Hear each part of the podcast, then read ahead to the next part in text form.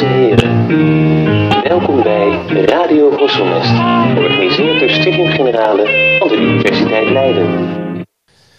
Beste luisteraars, welkom bij een nieuwe aflevering van Radio Horselnest. Ik ben uw gastheer Noor Peters van Studium Generale en vandaag zijn we verguld met de komst van Linde de Vroei.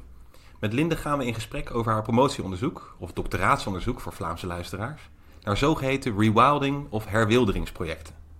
De laatste jaren schieten dergelijke gebieden als paddenstoelen uit de grond. Rewilding betreft een nieuwe trend in natuurbehoud, die een herstel van natuurlijke processen beoogt, vaak via de herintroductie van herwilderde herkauwers en apexpredatoren, om zo te komen tot een heropleving van de wilde natuur. Een vroeg voorbeeld vinden we binnen onze eigen landsgrenzen, de Oostvaardersplassen, geesteskind van ecoloog Frans Vera. Maar er zijn inmiddels tal van dergelijke herwilderingsgebieden binnen en buiten Europa. In haar onderzoek richt Linde zich op een filosofische analyse van de aannames en soms verborgen premissen van herwildering en de verschillende natuur- en mensopvattingen die schuilgaan achter deze trend. Daarbij is ze vooral oog voor de culturele kant van herwildering. Zo lijkt er in de herwilderingsbeweging ook sprake van heroverwegingen aangaande de relatie tussen mens en wildernis en pogingen een hernieuwde band aan te gaan met de natuur. Daarover gaan we vandaag in gesprek.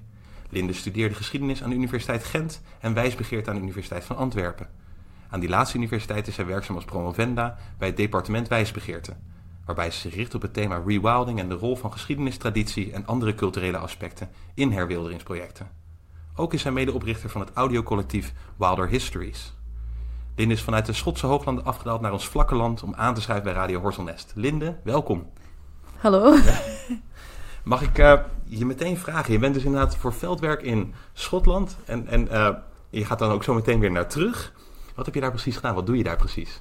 Dus ik ben in Schotland geweest om, uh, omdat ik een uh, doctoraatsonderzoek doe, zoals je zei, over uh, rewilding-projecten, dus herwilderingsprojecten. En um, ik vond het nodig om als filosoof af te dalen uit mijn ivoren toren, zeggen ze soms, of uit de zetel te komen, achter de schrijftafel te komen. En ook die herwilderingsprojecten in de praktijk te gaan bezoeken en te onderzoeken. Omdat je kan van alles um, bedenken en uh, theoretiseren over herwildering, over rewilding, maar het is heel belangrijk om te kijken wat dat er gebeurt uh, on the ground, om het zo te zeggen. Ja. Dus uh, ik wist al langer dat ik graag naar de UK wou gaan, omdat in Groot-Brittannië um, rewilding een soort van eigen leven is gaan leiden. Mm -hmm. um, en toch een beetje verschilt met de benaderingen van rewilding uh, op het Europese continent. Dus uh, in Europa heb je vooral Rewilding Europe, die dat de grote koepelorganisaties zijn. En zij hebben een bepaalde uh, benadering die ook heel Nederlands is. Rewilding Europe heeft ook de hoofdzetel... ja, hier in Nederland. Ja, ja oorsprong in Nederland, een hoofdzetel in Nederland. Werken vaak samen met de Universiteit Wageningen.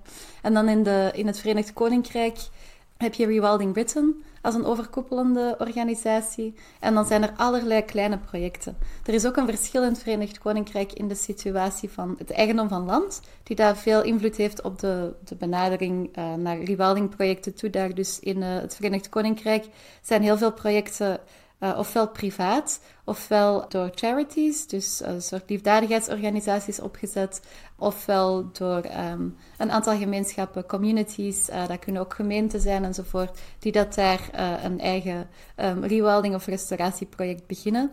Um, maar het gaat dus echt over een versnipperd landschap van rewildingprojecten. En dat geeft ook opportuniteiten, omdat rewilding daar echt meer bottom-up gebeurt. Dus er zijn veel uh, mensen, individuen, organisaties, uh, opnieuw gemeenschappen, uh, kleine, kleine groepjes die daar samen um, ja, een, een, project uit de grond stampen, land proberen te verkrijgen. en daar gaan kijken van hoe kunnen we hier nu het beste rewilding implementeren. En dan heb je dus Schotland binnen de UK. Ja. Is nog een, een beetje een aparte situatie, omdat rewilding daar echt ook heel veel voet aan de grond heeft gekregen op sommige plaatsen.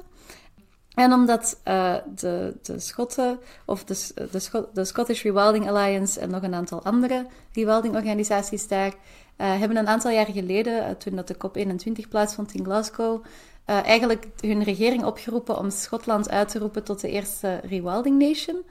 Wat dat op zich ook al een, ja, interessant is, want Schotland is natuurlijk geen aparte natie in de strikte zin van het woord, nee. maar heeft wel een soort van regionale um, onafhankelijkheid binnen, binnen het Verenigd Koninkrijk. Maar dus die rewilding daar raakt ook een beetje vermengd met de Schotse identiteit. En dan zijn, er zijn een aantal projecten daar die dat langs de andere kant ook, uh, zou je kunnen zeggen, uh, pioneering... Um, ja, pionierend. Pio ja, ja, ja, pionierend uh, hebben gedaan. Zoals Trees for Life, die eigenlijk al sinds de jaren 80 uh, actief zijn met het, uh, met het herstel van het uh, Caledonische woud. is een groot woud dat ooit het hele noorden van Schotland bedekte. En heel um, veel van die Schotse dennen, de ja, grove ja, dennen. Ja, en Scotch pine, dus grove ja. den is daar een sleutelsoort. En dan ja, andere inheemse soorten zoals berken, uh, beuken, els, hazelaar, um, geneverbes. Uh, dus, een, dus een heleboel inheemse soorten die daar eigenlijk bijna verdwenen waren. Ik denk uh, begin jaren 90 was nog 1% van dat hele oerbos eigenlijk over. En dus um, een aantal organisaties in Schotland hebben zich eraan gezet om dat bos te herstellen. Dus rewilding in Schotland betekent vooral bomen planten, bosherstel, Um, betekent ook de uh, herten, die dat er eigenlijk talrijk aanwezig zijn, buitensluiten uit die gebieden die daar herwilderd worden, omdat zij alle jonge bomen opeten. Um, en een, andere, een ander groot aspect van rewilding in Schotland is het herstellen van veenland. Uh, dus, uh, ja, dus eigenlijk echt van, van de habitat die dat daar oorspronkelijk zou zijn. En dan noem je al Trees for Life. En waar zit je dan in Schotland ongeveer? Um, Trees for Life is in de Schotse Hooglanden. Dus Trees for Life is vooral actief in Glen Affric en Glen Morriston. Dat zijn twee naburige valleien op ongeveer 10 mijl van Loch Ness verwijderd. Dus daar zit je echt in het hart van de Schotse hooglanden, prachtige landschappen. Ja, um, ja de luisteraars zullen de Schotse hooglanden misschien vooral kennen uit de de, de plaatjes uh, waar dat je al die kale hoogvlakten hebt. Het heeft iets heel ruig, iets heel eenzaam, iets heel Zeker woest. voor ons Nederlanders inderdaad. Eigenlijk lijkt het heel erg wild. En dan die Schotse distel uh, erbij. Maar we kennen inderdaad die, die, die glooiende of die bergachtige hellingen die dan eigenlijk helemaal kaal zijn en zo. Dat is voor ons eigenlijk het referentiekader ook een beetje voor, voor Schotland, denk ik. Ja, en voor wildernis, denk ik. Uh, ja. Schotland wordt wel eens de laatste wildernis genoemd. Um, ook hier in promoties voor uh, vakanties naar Schotland in Nederland en België, denk ik. Zeker. Um, maar het is eigenlijk heel paradoxaal, want Schotland ziet er heel wild uit, of heel woest, maar is eigenlijk een woestijn. Een ecologische ramp, een ecologische woestijn. In dat opzicht refereert het naar het, uh, het Griekse woord voor wildernis, eremos. Uh, woestijn betekent dat ook. Dus, ja, woestenij. Ja, ja woestenij, woestenij. Zeg maar ook natuurlijk nog. Ja, dus ja, ja. In, in, dat opzicht is Schotland echt een wildernis en hoeft het niet gerewild te worden. Maar als we gaan kijken naar wildheid als een um, soort kwaliteit van een ecologisch systeem, of een kwaliteit van, van leven, van biodiversiteit, van vele soorten, dan is Schotland echt een ecologische ramp. Dus dan is, in, in dat opzicht is Schotland eigenlijk helemaal gedomesticeerd. Dus we zitten daar met een paradox van een bijna gedomesticeerde wildernis, omdat die, de woestenij daar is alleen die woestenij omdat er zoveel schapen zijn geïntroduceerd in de uh, eind 18e, begin 19e eeuw. Um, die daar eigenlijk het hele landschap hebben kaalgevreten. En voor, voor de wolproductie dan, voor textiel? Ja, ja voor wolproductie, ja. uh, een beetje vleesproductie, maar vooral wolproductie en textiel. En dan ook nog um, veel te veel herten, omdat de laatste wolf in de 18e eeuw, of uh, sommige, volgens sommige bronnen 17e eeuw in Schotland al is uh, ah, ja. neergeschoten. Zijn er ook geen natuurlijke... Um, er zijn geen natuurlijke vijanden van die herten. Dus, en die zijn dan ook nog eens aangemoedigd geweest voor de hertenjacht. Dus ja. um, op van die grote uh, estates voeden ze die herten bij. Um, zodat er genoeg herten zijn, zodat de rijke, vooral rijke mensen uh, naar daar kunnen komen om uh, ja, voor de sport herten te kunnen neerschieten. Maar omdat die mensen ook niet allemaal zo'n goede hertenjagers zijn, moeten er veel herten zijn. Dus zo heb je eigenlijk ja, ja, schapen en herten die daar op, uh, door menselijke interventie daar gezet zijn. En die dan nu zelf in die landschappen ook bijna geen eten meer vinden. Je ziet in Schotland heel veel heel magere schapen, heel magere herten. Um, die dat daar alles, alles opeten wat dan nog maar eetbaar is. Waardoor dat heel het landschap eigenlijk een, een kale woestenij uh, blijft. Ja, het is bizar eigenlijk om te denken dat ik toen ik, ik ben een keer in Schotland geweest toen ik 16 was. En dat was eigenlijk voor mij ook echt ja, een soort wildernis. Mm -hmm. een, van, een van mijn eerste wilderniservaringen eigenlijk. Dat we, ik weet nog dat we bij zonsondergang langs zo'n klein plukje bos wat er dan nog over was liepen. En dat daar in één keer allemaal van die red deer in zijn, uh, als een soort kudde uitkwamen yeah. kwamen rennen. En ik had helemaal iets van, wauw, dat, dit, is, dit is inderdaad een soort, ja, een soort wilderniservaring. En allemaal van die kleine grouse die daar rondliepen. Die ze ook afschieten trouwens, leerde ik. Mm -hmm. van de famous grouse. Maar dat is dus eigenlijk gewoon een restant van een soort, het is, eigenlijk is het landschap een soort cultuurproduct. Ja, Het is ja. eigenlijk inderdaad door, door, door de invoer van schapen en dan vervolgens door de invoer eigenlijk of en het vermeerderen van die, van die herten, is het dus eigenlijk een hele kale, ja, kale Mhm. woestenij dus eh, geworden. Ja, absoluut. En die woestenij is, eh, zoals je zegt, zeker een cultuurproduct. Ehm, en in zekere zin zou je kunnen zeggen dat elk landschap een cultuurproduct is. Want het landschap dat er voor de 17e, 18e ehm, of 19e eeuw was, eh, was ook een cultuurproduct, maar een, een product van een cultuur die dat een andere logica eh, volgde. Dus het landschap zoals het nu is, is een cultuurproduct van welke cultuur zou je kunnen zeggen van een, een typische kapitalistisch ingestelde verlichtingscultuur. Ja. Die dat eh, in de jaren, ja, dus vanaf eh, de jaren 1750 tot eigenlijk ver in de 20e eeuw het idee had van land is pas, eh, ja, is pas waardevol als we er ehm, economisch profijt aan kunnen halen, en maar ook voor een stukje als we het kunnen civiliseren, als we het in cultuur kunnen brengen. Dus Ja. wat had je voor die tijd? Had je in de Schotse hooglanden en op eh, de westelijke eilanden eh, was de dominante cultuur de Gaelic-cultuur. Ehm, een beetje, veel mensen kennen de Irish eh, Gaelic cultuur. Dus de Schotse Gaelic cultuur en de taal zijn verwant aan die, aan die Ierse cultuur. Ehm, er, er was heel veel ook culturele ehm, kruisbestuiving tussen Ierland en Schotland, omdat vroeger, zeker in een bergachtig landschap, ja, de dominante manier om te reizen was per boot. Dus eigenlijk was het westen van Schotland en Ierland waren veel meer een soort culturele... ehm, ja, ze Oh, hadden ja. meer Ja. culturele samenhang dan bijvoorbeeld het oosten van Schotland of, of de rest van Engeland, omdat het veel makkelijker was om over zee te reizen. En dus ook een, dat is een gedeelde, eigenlijk een gedeelde taal. Of in ieder geval aan elkaar er- verwante taal. Verwant, ja. Er is een verschil tussen eh, Irish Gaelic en, Sc- en Scottish Gaelic. Ehm, maar die taal is, is in de 10e eeuw ongeveer was dat dezelfde taal nog. En dan zijn die wel uit Ja. elkaar gegroeid. Dus eh, en dan, dan waren er natuurlijk er waren nog een aantal andere talen in Schotland, maar dus in de Highlands was Gaelic de, de meest dominante cultuur. En die, de, de maatschappij van de, van de mensen die dat, eh, die taal spraken, ehm, was, heel, was een klankcultuur. Dus heel erg gebaseerd nog op een klansysteem, wat, wat eh, tot, tot in die 18e eeuw het dominante systeem was. Dus je had eigenlijk één eh laird of, eh, of persoon die daar verantwoordelijk was voor de klan. En dan had je ehm, dorpjes die, en gemeenschappen die daar vooral op het platteland leefden. Die hadden een, een aantal, die hadden een systeem van aan landbouw te doen op die hellingen met lazy beds heet dat. Dus dat is een manier om afwatering te veroorzaken. Eh, omdat het daar heel, ja, het is daar heel vochtig en heel nat in Schotland. Het Ja. regent heel erg. En daar verbouwden ze groenten, rogge en haver. Ehm, en dan hadden ze, ze waren ook veehouders.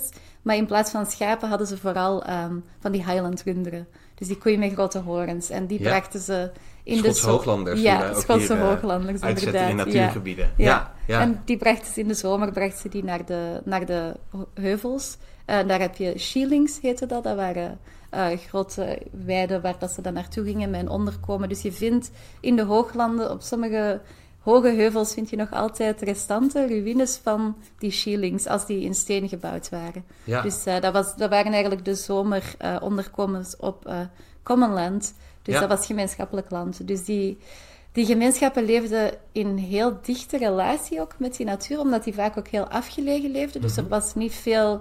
Er, er waren niet veel goederen voorhanden. Dus als je een huis moet bouwen, wat doe je? Je neemt stenen uit het landschap, dus graniet uit het landschap. Ehm, ze maakten hun daken vaak van... Er was niet veel hout, dus ze maakten hun daken vaak van ehm, varens.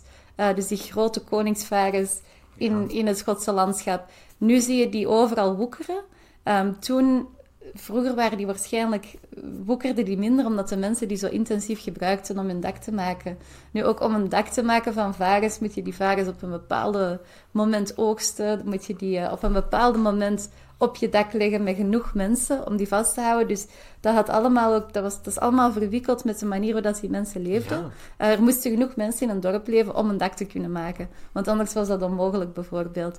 Dus eh, dat, zijn, dat zijn van die kleine dingen ehm, die heel belangrijk zijn als je gaat kijken hoe leeft een cultuur of gemeenschap in dichte relatie met een landschap. Ja. Wat is er voorhanden en hoe, hoe geeft dat een cultuurvorm?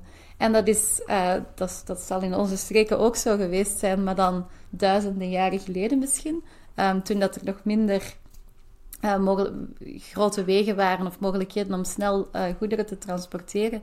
Maar wij zijn dat meer vergeten. En in de Schotse hooglanden heb je dus ehm, een cultuur die dat tot in de 18e eeuw eigenlijk is blijven voortbestaan. tot op het moment dat er onder invloed van ehm, de, langs de ene kant politieke verwikkelingen, dus je had uh, op een gegeven moment had je een, de Schotse Jacobites, Jacobijnse, Jacobijnse, ja. ja Jacobijnse um, rebellie. Um, en dan in 1746 is die definitief uh, verslagen door de Engelsen bij, door, uh, in de slag bij Culloden. En dat was ook een beetje um, het einde van um, heel veel, van een groot deel van die Highland-cultuur. Het is een symbolisch ja. moment voor de Schotten, omdat op die moment er meer Engelse controle kwam. Er werden ook een aantal landen, land, ja, dus, land afgenomen van um, clanleiders die dat rebellie hadden gesteund. Ja. Um, er zijn heel veel mensen toen ook naar Amerika vertrokken. Ja. Um, eigenlijk ja. op de vlucht voor die Engelse repressies. En langs de andere kant uh, de, was dat ook op die moment was, was de hoogdagen van de verlichting. Um, en ook een groot deel van de clanleiders, zeker degenen die wel trouw waren gebleven aan de Engelse officiële koning, um, weer, kwamen eigenlijk onder invloed van dat uh, verlichtingsgedachtegoed. Um, en zij kwamen ook onder invloed van theorieën, als die van Adam Smith, dat je land eigenlijk in uh, productie moet brengen ja, ja. Om, om het rendabel te maken. En daardoor zijn heel veel mensen die in die kleine dorpjes woonden en daar een traditionele of, of kleinschaliger landbouw deden en veeteelt, zij zijn eigenlijk van hun land verplaatst. Uh, dat gebeurde waarschijnlijk in fases. Um, maar om plaats te maken voor vooral schapen op die moment. Omdat schapen het meest rendabele project, uh, project of, of, product waren dat je kon um, telen in die hooglanden op ja. die moment. Um, er is toen ook veel... Um... Dus dan krijg je ook die hele leegte, echt die leegte eigenlijk die heel herkenbaar is van, ja, van, ja, van de Schotse hooglanden. Dan, ja, omdat er ook veel woud of, of, stukken bos die dat door die gemeenschappen ook gebruikt werden als een, als een belangrijke bron van hout, brandhout. Langs de andere kant, het bos heeft ook allerlei medicinale zaken. Bijvoorbeeld berkenbomen werden ook gebruikt voor, voor alles. Uh, de bast werd gebruikt voor hoeden te maken, manden enzovoort. Um, dus, dus, er was ook een intensief gebruik van, van die bomen. Ja. Um, maar die werden gekapt voor de houtteelt, omdat er eigenlijk ook een tekort aan hout was op die moment, zeker in Europa. Ja. Um, en er werd dan terug, de, het bos dat gekapt werd, werd, als het al vervangen werd, vooral vervangen door niet-inheemse houtsoorten, zoals Sitka spruce of lodge pine. Uh, ik weet ja, twee, die, twee Noord-Amerikaanse ja, soorten van twee de, van de Pacifische westkust. Ja, ja, inderdaad. Dus zij, zij werden daar dan, die, die bomen werden daar dan geplant in een soort monocultuur, waardoor dat er ook een einde kwam aan dat hele complexe systeem dat een, een inheems bos eigenlijk was. Uh, ja. waar de allerlei soorten door elkaar groeiden. Dus... Je moet ook denken, want je hebt ook David Douglas die de, de, de uh, introduceert. Dat is ook een, een schot die uh, naar Amerika toe gaat om eigenlijk daar die soort inderdaad weer mee terug te nemen. Maar die krijg je dan, die worden allemaal aangeplant. Ja, ja. ja, ja. Die worden ook voor de houtproductie natuurlijk. Voor. Dus dat zijn eigenlijk een soort houtakkers meer dan dat het bossen zijn. ja, dat zijn plantages. Dat zijn echt timber plant plantations noemen ze dat, dus houtplantages.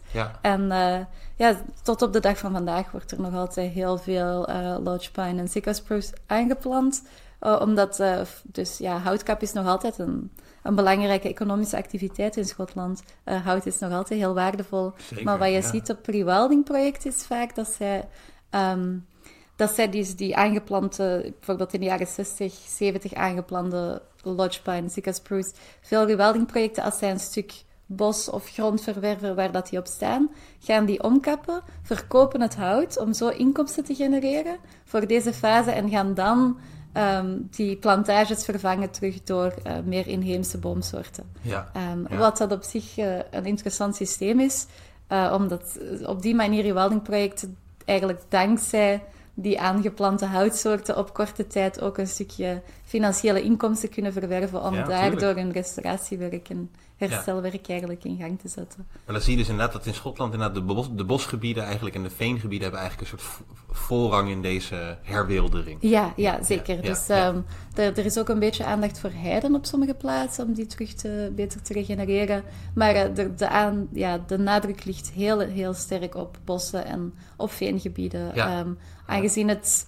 In Schotland is er een regel dat je op eh, veengebieden ook niet mag herbebossen. Omdat het in de laatste decennia is gebleken hoe waardevol veengebieden zijn voor het opslaan van CO2 in de bodem. Ja, tuurlijk. Ja. En dus als je daar bomen op plant, dan gaat eigenlijk die ecologische eh, waarde verloren. Dus daarom kan je als je, stel je, je hebt een rewilding of je hebt een stuk grond, je wilt daar rewilden, heel belangrijk om te kijken van naar de bodem, is dit eigenlijk, heeft dit het potentieel om een veengebied te zijn? Als dat er is, dan um, is het belangrijk om dat te herstellen. Dus Ja. soms betekent dat ontbossen, um, maar meestal betekent dat ook um, bepaalde uh, watersystemen herzien. Ja. Uh, want die veengebieden, veel daarvan zijn drooggelegd op een bepaald moment om uh, plek te creëren, weer meer weiland voor schapen. En dus daar, er moeten opnieuw um, systemen bedacht worden. Soms gaat het om het uh, bouwen van dammen, handmatig om dat water terug uh, in dat veengebied te houden. En dus niet te laten afwateren door vaak gegraven kanalen. Maar dus je hebt, uh, je hebt op het eiland Mull heb je een project bijvoorbeeld. Ja. Uh, het heet Knockvolligan. En het zijn eigenlijk... Um, er zijn twee Nederlanders daar. Um, Miek en, uh, en Rutger, uh, Miek Swamborn en Rutger Emmerkamp. En zij beheren daar uh, het project, want de grond is in handen van een Nederlandse familie. En samen met de lokale, enkele leden van de lokale community zetten zij zich daar eigenlijk in om um, een heel groot stuk grond, uh, Tirraran Estate heet het, om, om dat te herwilderen. En Oh, daar, ja. is, daar Ja. is naast Atlantisch regenwoud, zoals ze dat noemen, dus een stukje um, inheems bos, wat dat typisch is aan die eilanden, waar dat de bomen heel uh, klein zijn en klein blijven door de wind die dat er de hele tijd is, maar dus daardoor ook een soort heel waardevol ecosysteem creëren, omdat er Ja. zoveel mossen komen en korstmossen. Daar heb je ook veenland. En zij hebben daar um, met een aantal vrijwilligers uh, van verschillende plaatsen, hebben ze daar, uh, ik denk een maand geleden, een aantal grote dammen gebouwd. Uh, helemaal met de hand, helemaal gemaakt van, van turf of veen, om het water dat daar... om het water daar te houden. Ja. Dus uh, vroeger is, zijn er een aantal ingrepen gebeurd door landbouwers, door schapenhouders, om eigenlijk een soort afwateringsgrachten te maken. Ze hebben nu, ja, ja. ja, om- Ja. dus om het water daar weg te krijgen. Ze hebben nu dammen gemaakt om het water in dat gebied te houden, om op die manier veel land te herstellen. Maar dat is echt dat is een, een enorm werk om dat allemaal met de hand te doen. Dus uh, ook een unicum in hun project dat ze dat met de hand hebben gedaan. Meestal zeker. gebeuren zo'n dingen met, met kraantjes of zo, maar het is, wel, het zo'n afgelegen gebied dat dat... Die kan dan ook, het is, het, is, het is ergens ook een, een test om te kijken van, lukt het ook zonder die machines om op die manier te, Ja, te. Ja. Dus er zijn mensen die heel veel heel mooie dingen doen en, en heel veel inspanningen leveren om... Uh, Ja, dus Ja. ik begrijp helemaal waarom jij inderdaad naar Schotland gaat. En Ja. misschien is het ook nog goed om eh, eh, nog een stapje terug te doen en dat woord eh, rewilding. Misschien ook voor Ja. de luisteraars. Ik denk toch wel, het is, het is een echte trend. Ik denk dat er wel best wel veel mensen ervan hebben gehoord. Maar wat, ja, wat houdt rewilding in eigenlijk? Um, rewilding betekent uh, voor de.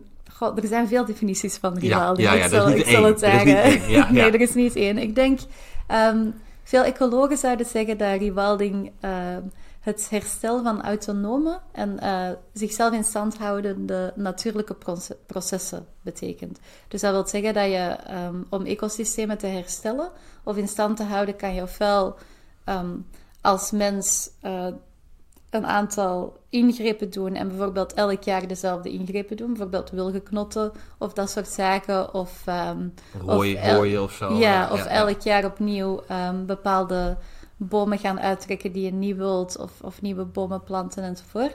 Maar rewilding heeft als doel om uiteindelijk de, het ecosysteem op die manier te herstellen dat het zichzelf in stand kan houden. Dus dat die processen zichzelf zullen voortzetten. En wat kan je dan doen? Bijvoorbeeld als je, um, stel, stel dat je een grasland wilt openhouden, dan kan je daar grote grazers plaatsen en die zullen dan ook bepaalde zaden van planten verspreiden enzovoort. En zo houden die een ecosysteem in stand. Um, als het gaat over herbebossing, dan, dan gaat het altijd over het uiteindelijke einddoel dat dat bos zichzelf kan regenereren. Ja. Dus dat je een aantal bomen hebt die dat dan hun zaden laten vallen, waardoor dat er nieuwe bomen kunnen komen. Nu, in een initiële fase betekent rewilding vaak wel ingrijpen, omdat het ecosysteem dusdanig verstoord is dat je eigenlijk een aantal ingrepen nodig hebt, zoals het planten van meer bomen of het buitensluiten van herten, om het ecosysteem terug gezond te maken. Je kunt een beetje zien als een gezonde mens kan zichzelf in stand houden. Het lichaam regelt veel zelf. Ja. Maar als je ziek bent, dan heb je soms een aantal ingrepen of operaties nodig om terug gezond te worden. Ja. Dus in dat opzicht gaat rewilding echt over het hele van de natuur om dan zichzelf in stand te houden. Ja. Nu, er zijn ook mensen die andere definities van rewilding aanhangen, denk ik. En naast dus het ecologische rewilding heb je ook een um, groeiende trend om bepaalde projecten rewilding te noemen, die dat gaan over um, het meer herwilderen van jezelf. Uh, als je zoekt op Instagram bijvoorbeeld, hashtag rewilding, dan krijg je waarschijnlijk een, hele, een heel aantal ja, um, verwijzingen of afbeeldingen die eigenlijk niks meer te maken hebben met die natuur.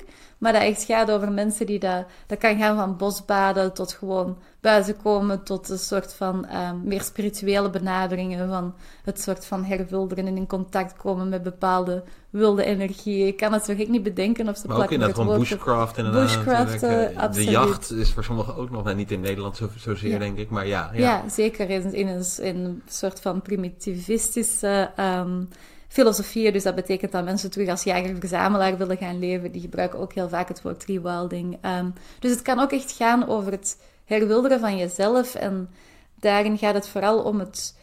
Um, ofwel gaat het, om terug te, gaat het erover terug te gaan naar een soort van meer, zou je kunnen zeggen, primair bestaan. Mm waar dat je meer kan leven ja, in, in, um, met voeling voor je eigen menselijke natuur voor een stukje. Dus dat kan veel mensen identificeren dat met een soort jager-verzamelaar levenswijze. Maar het kan, kan, ook echt gaan over het herstellen van die relatie tussen mens en natuur in het mhm. nu. Dus ook daar zijn verschillende benaderingen. Ofwel ga je terug naar, je, naar het verleden, ofwel um, gaat, het er, gaat het er meer over te kijken naar wat zijn de mentale en gezondheidsvoordelen van bijvoorbeeld in de natuur zijn. Er is ook groeiend wetenschappelijk onderzoek dat dat aantoont en dan proberen die toe te passen in een, in een moderne levenswijze eigenlijk. En maar dat lijkt op het eerste zin nog wel wat op gespannen voeten staan met elkaar. Aan de ene kant die ecologische benadering die heel sterk ervan uitgaat, we, we moeten natuurlijke processen herstellen en teruggeven aan de natuur. En uiteindelijk ook streven naar zo min mogelijk menselijke interventie. En dan hier inderdaad de gedachte dat je eigenlijk zelf als mens uh, uh, weer uh, voeling moet krijgen met, met natuur. Ja hoe, ja, hoe, ja. van waar die discrepantie? Ik, ik denk dat je daar een heel mooie discrepantie aanhaalt. En een paradox bijna in de rewilding-beweging. Dat er, zijn, er zijn heel verschillende um, benaderingen en, en, ideeën over dat rewilding. En zoals je zegt, eigenlijk gaat die ecologische rewilding streeft ernaar die menselijke invloed in de natuur te beperken tot een minimum. En veel ecologen zouden daarvoor ook, bijvoorbeeld in Nederland, als je kijkt naar de Oostvaardersplassen, je komt er gewoon niet in. Je mag er niet zijn als mens. Dus in dat opzicht zet rewilding de mens buiten de natuur. Ja, je mag op safari. Ja, je, ja, je mag op safari inderdaad, als je het kan regelen. Ja, als, als je het kan regelen, ja. En, kan betalen. Maar, uh, dus, en langs de andere kant heb je die rewilding-projecten die dat eigenlijk een heel ander... Uh, die vinden plaats in een ander segment van de cultuur, zou je kunnen zeggen. Het ene is meer natuurbeheer en ecologische conservatie. En het mhm. andere zit meer in een soort culturele transformatie. Um, je zou het bijna een soort tegencultuur kunnen noemen. Soms gaat het ook gepaard met een soort politiek activisme. Um, en die, gaat, dat, die zet er net op in om de mens in die natuur te krijgen. Ja. Uh, want zeker als je gaat bushcraften of zo, dat, is, dat, betekent bijvoorbeeld vuur maken op de manier dat onze verre, verre, verre voorouders het deden. Met een boog en een, uh, en een stukje hout. Um, ja, dan ga je in de natuur en ga je daar kijken welke houtsoorten kunnen we gebruiken. Als je een goede instructeur hebt, dan zal die ook leren om duurzaam te oogsten. Dus om te kijken welk hout kan je, mag je gebruiken, want als het toch al dood is enzovoort. Maar dit gaat helemaal in tegen het soort ideaal van sommige natuurbeheerders die zeggen, blijf hier allemaal weg en raak vooral niks aan. Ja. Um, ja. En ik denk dat het, het, het wordt heel interessant wanneer dat die twee benaderingen naar elkaar toestappen en elkaar ergens raken en een raakvlak vinden. En dat is iets wat dat dus in Schotland, en dat is een van de redenen dat ik zo geïnteresseerd ben in die rewilding in Schotland. In sommige projecten in Schotland en trouwens ook in het Verenigd Koninkrijk, uh, in het algemeen gebeurt dat echt dat er een soort um, dat er een raakvlak gevonden wordt. En dat ecologische rewilding-projecten een veel aandacht hebben ook voor een menselijke kant en hun bezoekers of lokale bevolking of lokale communities activiteiten zullen aanbieden die dat dan weer helemaal gericht zijn ook op die menselijke rewilding. Ja. Um, en soms wordt daarbij teruggegrepen naar het verleden, uh, maar ook niet per se naar een heel uh, primitief, ahistorisch, ja. jager-verzamelaar verleden, dus prehistorisch verleden. Uh, in Schotland zijn er een aantal projecten die daarvoor ook echt terugkijken naar dat um, naar die Gaelic-cultuur, die daar eigenlijk maar een paar eeuwen geleden nog uh, dominant was op die plek. Ja. ja, want je hebt inderdaad eigenlijk lijkt er een verschil te staan. Dat is misschien ook wel het aardig, of goed, goed om aan te wijzen, dat woord rewilding. Dat je eigenlijk, ja, je hebt dat voorvoegsel re, of in het Nederlands dan her. Ik zei het ook al even in de inleiding, hè, het is het herstel, herintroductie. Er zit, er zit een, een, een soort historische component in. Al als je dat verhaal en dat van jou volgt, van meer de ecologische rewilding, hoor je daar niet echt historie in door. Het, is, het is meer het herstellen van natuurlijke processen die verstoord zijn geraakt. Ehm, maar er zit toch een soort historische component lijkt te zitten, of prehistorische component zelfs, lijkt te zitten in rewilding. Kan je dat, kan je dat toelichten? Ja, dat is, uh, dat is zeker zo. Ik denk, um, veel ecologen zullen een beetje in vraag stellen uh, of dat er echt die historische component in zit, omdat het niet zo goed klinkt om te zeggen, ja, we willen eigenlijk terug naar een ecosysteem dat hier een aantal, dat hier uh, 1000, 2000 of 10.000 jaar geleden was. En langs de andere kant um, opereert rewilding altijd met baselines, zou je kunnen zeggen. Dus er zijn referentiepunten in het verleden waar dat ecologen toch naar terugkijken om te kijken van ja, maar hoe zou het hier eigenlijk uitzien als de mens het niet allemaal verstoord had? Ja. En als een soort van legitimatie kijken veel rewilders terug naar het landschap zoals het was. Bijvoorbeeld de Oostvaardersplassen is ook ergens... Um, langs de ene kant zou je kunnen zeggen, het is een heel experimenteel project. Ja. Dat kijkt naar hoe dat, uh, hoe dat ecologische processen zichzelf in stand zouden kunnen houden en wat er gebeurt. Langs de andere kant is het ook gebaseerd op een theorie van Frans Ferrat over hoe dat het landschap eruit zag... Um, eigenlijk in een soort van prehistorische of pre-menselijke invloedfase. Uh, dus dat wil zeggen, het, gaat echt over duizenden jaren terug in de tijd, ja. uh, waar dat het landschap er zou uitgezien hebben volgens deze theorie als een mengeling van open grasland en uh, bos. En hetzelfde als je in Schotland gaat kijken naar projecten die dat Caledonische woud willen herstellen, dan gaat het ook over terugkijken naar een, naar een periode Um, waarin dat er in elk geval minder menselijke invloed was. Bijvoorbeeld de tijd van de Romeinen. Hier leefden wel mensen, maar die hadden nog niet zoveel impact op het bos. Dus het, er wordt wel gewerkt met baselines langs de andere kant. Dus historical baselines of referenties. En is een soort historische ecologie, lijkt het ja. Ja, ja, zeker. Want er wordt ook veel... Um, er is een, een, project in de Schotse laaglanden, Carriffon Wildwood, die daar ook echt... Um, een hele pollenanalyse hebben laten uitvoeren, bijvoorbeeld, om te kijken van hoe zag het hieruit 10.000 jaar geleden. En eigenlijk ook bijna expliciet zeggen van we, we willen dat, die natuur terug een kans geven om zich ook op die manier te herstellen. En langs de andere kant is rewilding ook altijd een beetje open-ended. Dus er kan wel gekeken worden naar, oké, hoe zag het hieruit, er hieruit toen? En als we gaan herbeplanten of als we bomen gaan aanplanten, dan kiezen we voor soorten die dat er op die, op die moment ook waren. Maar we proberen ook een beetje los te laten en te kijken waar gaan die processen vandaag naartoe. Ja. Dus je zou kunnen zeggen dat het verleden voor een stukje um, de, de toekomst ook beïnvloedt. Mhm. Vooral in de keuze van sleutelsoorten in, in veel ja. projecten. Maar het is, geen, het, is geen soort, het is geen vast kader. Het, er mag ook van afgeweken worden. En, ja, je ziet inderdaad bijvoorbeeld de introductie van grote grazers, zoals, zoals Frans Vera inderdaad uh, Kornikspaarden heeft uitgezet en, en, en herten en... Uh, uh, hekrunderen. Ja. Dat was vooral inderdaad eigenlijk ook om te kijken naar ja, dat zijn belangrijke spelers in een ecosysteem. En die kunnen veel veranderingen ook teweeg brengen. En die zijn natuurlijk ook hier geweest en, en bejaagd door mensen totdat ze mm nou ja, zijn uitgestorven. Of in ieder geval, dit soort grote grazengebieden natuurlijk ook rondgelopen. Even als de wolf hier eh, eh heeft rondgelopen.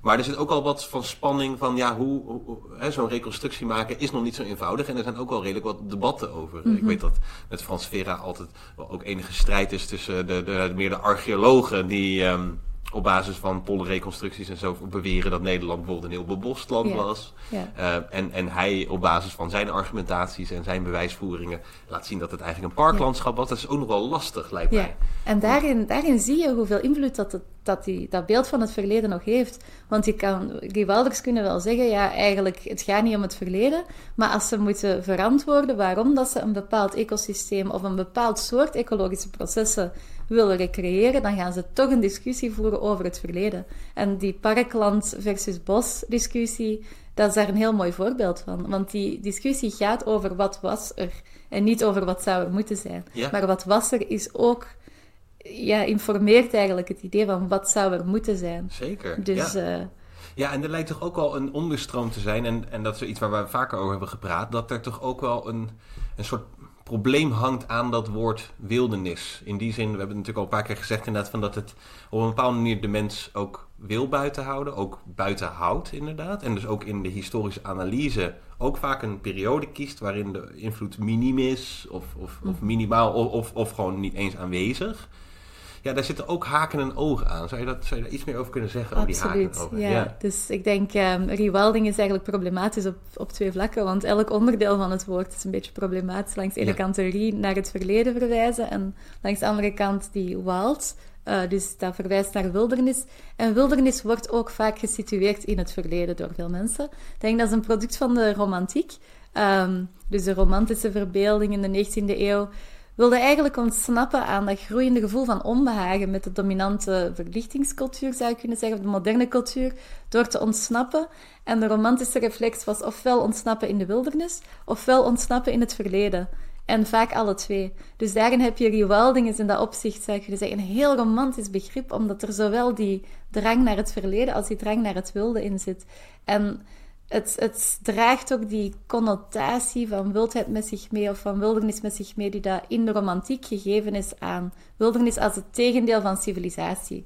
En daarin heb je dus, daar, dat is een soort van imaginair construct voor een stukje, of een soort van rijk waarin dat de romantische verbeelding kon ontsnappen met het idee van hier zijn ofwel geen mensen, ofwel vinden we hier misschien enkele mensen, maar die behoren tot de wildernis. Die zitten nog in een soort van gouden tijdperk van leven in harmonie Ja. met de natuur. Ja. En dat is iets wat we vandaag natuurlijk ook nog zien als het gaat over een beeldvorming van bijvoorbeeld inheemse gemeenschappen in ehm, het Amazonewoud en dat soort zaken. Als een, die mensen worden Nog onaangeraakt Ja. door de moderne beschaving. ja, inderdaad. en zo, voor zover dat we, dat, dat we niet zien dat die een smartphone hebben of eh, moderne schoenen, zijn we ook heel blij om, om die mensen bepaalde rechten toe te kennen. Ehm, maar het is veel moeilijker als, als, als dat doorbroken wordt. Als Ja, want je vertelde, want je was in Glasgow voor eh, de klimaattop Ja, in ja. 2022? 2021. 2021. En dat vertelde je ook aan mij, dat je dan eerst eh, in de trein zat met mensen uit, volgens mij was het Ecuador, die eerst, nou, met, inderdaad met een smartphone, met eh, mode- moderne kleding. En toen voor dat congres inderdaad eigenlijk eh, ook de ceremoniële kleding, of de, de, de, authentieke, dus authentieke kleding droegen. Dat dat ook een beetje een gekke indruk maakte. Ja, en, Ja. en natuurlijk, ik bedoel, ik, ik weet eigenlijk niet wat de reden is. Misschien dragen ze die kleding Ja. omdat dat ceremonieel inderdaad een belangrijk moment is. En langs de andere kant, ehm, dan op meer inofficiële bijeenkomsten. Ehm, dus, dus in de marge van de kop heb je altijd activistische organisaties. In Glasgow waren er toen eh, een aantal Schotse organisaties die ook inheemse mensen hadden uitgenodigd. Waarin dat ook wel gezegd werd dat... eh, ja, het- een beetje het probleem ook van sommige ehm, inheemse groepen zelf, dat zij, dat zij ook voelen dat ze zich aan een bepaald beeld moeten conformeren. Ja. Dus ook soms de, de vraag stellen ehm, aan, aan mensen van het Westen van hoe kunnen we er nu inheems uitzien zodat we aan jullie verwachtingen voldoen en, en meer geld krijgen. Maar ook daarin is er, ja, Het, is, het is een heel complexe situatie, want ehm, er wordt een bepaald beeld van buitenaf opgelegd waarin dan mensen dan ook willen voldoen. Terwijl langs de andere kant is het ook heel logisch dat inheemse gemeenschappen vandaag, zeker de gemeenschappen die in aanraking komen met de moderne cultuur, een aantal aspecten van onze cultuur eh, adopteren. En, en met, allee, ja, dat, dat maakt niet dat zij minder inheems zijn in hun wereldbeeld of in hun Ja. spiritualiteit, maar uiteraard hebben die mensen ook een smartphone en dat soort zaken. Maar dan een beetje vanuit een westerse blik lijken ze dan alsof ze inderdaad dat ook, hebben, ook aan het verliezen zijn. Diezelfde Ja. band die wij ook voorstellen Ja. dat wij die hebben verloren. Dat, die, dat zij die eigenlijk actief aan het verliezen zijn. En Mhm. ook ergens misschien een soort, je wil dat ook zo houden. Bijna inderdaad, bijna een soort nostal- nostalgisch verlangen van... Ja. eh. Wat natuurlijk erg sterk ook hierin doorkomt tussen die romantiek inderdaad vooral beschrijft. Dan hoor je ook heel erg sterk inderdaad eigenlijk bijna inderdaad die nostalgie. Ofwel inderdaad die terugverwijzing naar vroeger. Mhm. Ofwel die terugverwijzing na- naar wild, wat ook een beetje vroeger is. Soort van, Ja, dat, ja. Daar komen we vandaan, die wildernis. Ja, inderdaad. Dat is inderdaad. Je zou kunnen zeggen dat dat een verlangen is naar een soort van oorsprong van de mens. En dat zie je uiteraard ook in een aantal van die menselijke rewilding-initiatieven, waarin dat er dan eh, ook heel paradoxaal vaak, er wordt dan een rewilding weekend aangeboden. En wie, wie komt daarop af? Voornamelijk mensen die in de steden leven. Ehm, en uiteraard begrijpelijk. Ik, ik bedoel, er, er Ja. is ook een heel groot verlangen naar die wildernis bij stedelingen, omdat we daar zo ver vanaf zijn. Maar er, er, er ontstaan allerlei vreemde toestanden als um, rewilding-projecten of, of uh, bijvoorbeeld grote estates in Schotland, waar, dat je, um, dus waar dat mensen aan, aan, de grote CEO's eigenlijk van bedrijven aan rewilding doen. En dan ook uh, voor, heel, voor heel rijke mensen heel dure vakanties in de wildernis Ja. aanbieden. Ja, ik denk ook Ehm, aan die glampingplekken inderdaad ja, die opkomen. absoluut. Maar soms ook inderdaad jacht nog zelfs die ermee gemoeid gaat natuurlijk. Ja, ja, ja, Ja. zeker. De, de jacht is, is daar ook nog een onderdeel van. En ehm, ja, dan, dan het, het, het spotten van wildlife. Het, het kan soms ook heel onschuldig zijn, maar kan ook... eh, er zijn allerlei... Er is een hele economie rond dat wildernistoerisme ook eh, aan ontstaan, die dat op deze moment ook sinds corona zeker, en, en misschien daarvoor ook al een beetje, enorm in de lift zit. Ja. En dat heeft uiteraard heeft dat voordelen, ehm, omdat het mensen misschien ook bewuster kan maken van een ecologische problematiek. En langs de andere kant zie je dat je daar niet ontsnapt aan sociale ongelijkheid en bepaalde sociaal-economische verhoudingen, Ja. die dat eigenlijk ook een beetje het kritische potentieel, ehm, dus het kritische potentieel van rewilding-projecten gaan ondermijnen. Ja. Omdat het helemaal conformeert aan ehm, de, de diepere, bredere structuren van ons moderne systeem. Ja. ja, want je ziet het ook als, je als er foto's worden gedeeld. Je zei het zelf ook, als er foto's worden gedeeld van rewilding projecten, zie je ook. Maar ook als je denkt aan natuurdocumentaires, altijd die mens. eh, die wordt buitengehouden op een bepaalde manier. Ook, ook Ja. in de beeldvoering wordt dat heel vaak buitengehouden. En dat is eigenlijk dus ergens een romantische erfenis. En daar lijkt in ieder geval ook in mijn optiek altijd Amerika ook op een bepaalde manier een belangrijke rol in te spelen of zo. Of de Amerikaanse filosofie een belangrijke rol in te spelen in die waardering van, van dat geïdealiseerde, die geïdealiseerde wilde toestand. Ja, ja zeker. Ik denk eh, in, de, in Amerika had je natuurlijk de eerste wildernisfilosofie eh, met Henry David Thoreau en dan eh, Aldo Leopold daarna en John Moore, Ja, heel belangrijk. Eh, was trouwens ook een schot die Ja. dan naar eh, Amerika is gegaan. Ehm, waarin dat je dat beeld krijgt van wildernis als iets ehm maagdelijk of pristine. Ja. Ehm, eh, untrammeled by men is, iets, is een andere eh, frase die Ja, dat je vaak hoort. Dus, ja. helemaal ongerept en onaangeraakt. En dat was natuurlijk omdat toen dat de, de settlers in Amerika kwamen, de eerste settlers zullen daar niet echt een wildernis hebben aangetroffen. Ehm, want het was eigenlijk een semi-gecultiveerd ja. landschap, omdat er zoveel, de, de Native eh, Americans, dus de inheemse bevolking daar, had impact op, op hun landschap in elk opzicht. Waren, er waren vaak landbouwers en heel, of, of bosbouwers. Ehm, maar dat werd, ja, die, die mensen zijn zo snel uitgeroeid door, eh, door pandemieën en door, ehm, door het, het, het Europese kolonialisme. Ja. Of gewoon naar de marges verdrongen, dat dat helemaal niet meer duidelijk was een paar eeuwen daarna hoe erg dat die, of hoe hard de impact op het landschap was geweest van die mensen. En hoe, Ja. hoe hard dat ook de Amerikaanse wildernis in feite een gecultiveerd landschap was. Maar ook de, dus generaties eh, van, van dat die mensen verdwenen waren, hebben natuurlijk ook het landschap weer veranderd in aanzicht. Eh, en in Amerika had je heel erg, je had daar nog grote wouden enzovoort, eh, Ja. die dat je in Europa niet meer had, omdat die bijna allemaal waren verdwenen door de grote vraag naar hout om schepen te bouwen om naar Amerika te gaan. Ja, langs de ja. ene kant. En Ja. eh, langs de andere kant omdat er het Europese continent ook veel dichter bevolkt was geraakt. Ehm, dus je had daar nog iets wat, dat, eh, wat dat veel Europeanen eigenlijk misten in Europa. Ehm, of daar al een beetje nostalgisch naar begonnen te, te zijn. Vond je in Amerika.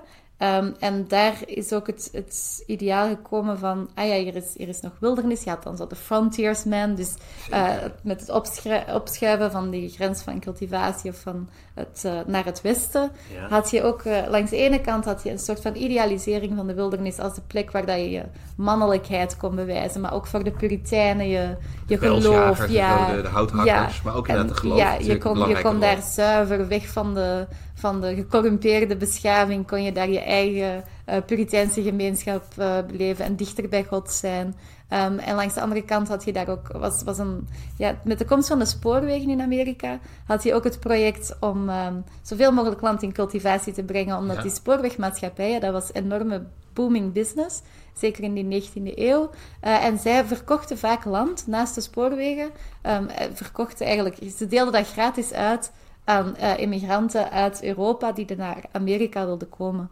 Uh, heel veel Schotten die dat van hun land, of heel veel uh, Gales die dat van hun land zijn verdreven in de hooglanden, zijn verscheept naar, gingen naar Amerika om daar opnieuw te beginnen. In Canada heb je Nova Scotia. Um, ja, tuurlijk, ja. Canada en het noorden van de VS vooral. Um, omdat er waren opportuniteiten. Zeker, ja, dus, dus er, er zit ook iets heel complex aan dat verhaal. Je wordt in Europa van je land verdreven door een soort van economische uh, logica die dat je je oude land in een economische cultivatie wil brengen.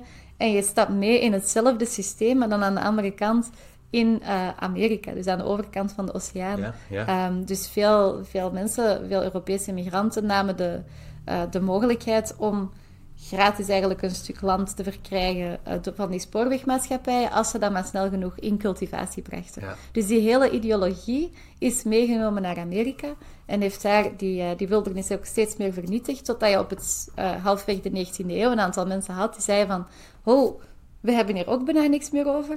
Um, was, Ja, ja. Uiteraard in vergelijking met Europa was er nog veel over, maar die dat beseften, we zijn dit ook aan het verliezen en die dus opriepen tot het beschermen van die wildernis.